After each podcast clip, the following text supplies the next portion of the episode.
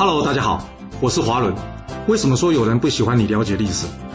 因为历史可以让你了解顶层阶级的思考方式，成为他们的竞争者，也可以让你看到许多前人成功以及失败的案例，让你的竞争对手睡不好觉。而最重要的是，历史可以让你了解人性。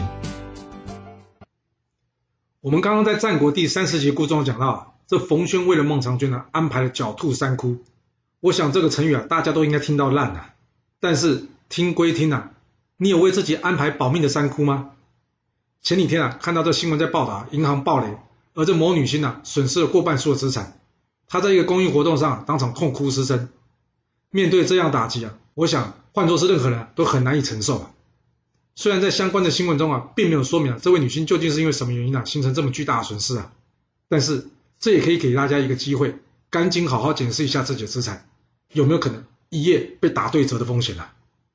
千万别抱别人身上发生的事，那叫故事。既然是故事，那就不干我的事。要知道，所有的故事都可能发生在自己身上。若一旦发生，我们要如何让它不要变成灾难？这才是重点啊！那。我们要如何躲过类似这样风暴呢？其实今天故事中的冯轩啊，已经在两千多年前了，为大家做了最好的示范了。想一想，冯轩帮孟尝君挖的这三个窟是什么？第一窟，薛地百姓的支持，换句话说，就是要固住他的根，他的老本行啊。换句现代话来说呢，就是什么？你自己的事业工作，或者要有什么稳定的现金来源一样啊。那第二窟呢，就是为国国君的欣赏啊。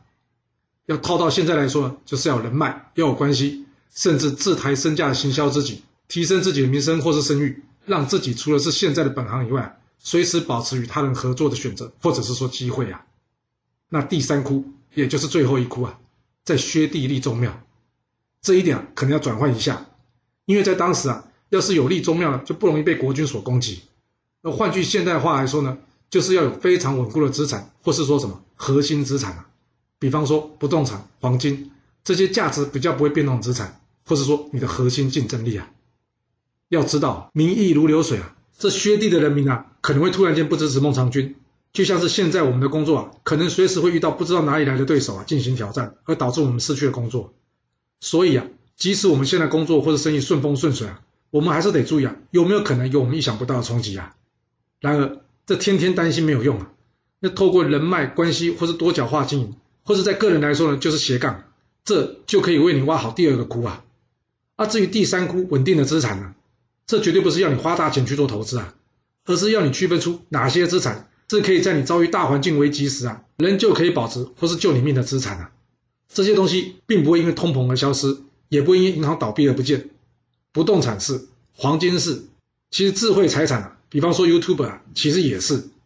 那还是那句老话，我不是理财专家。这里不会告诉你名牌或者教您投资啊，我只能告诉你，历史上已经有人告诉过我们了，要学狡兔先挖好三窟啊，这才是长治久安的保命之道，你说是吧？若是您有其他想法，也欢迎您留言分享您的看法给大家哦。好了，我们今天就先说到这。若是你想要知道完整版的故事内容，欢迎您可以到说明栏中找到我爱故事频道的连结。要是你喜欢这个频道，还要麻烦您动动你的手指，点赞、订阅、追踪。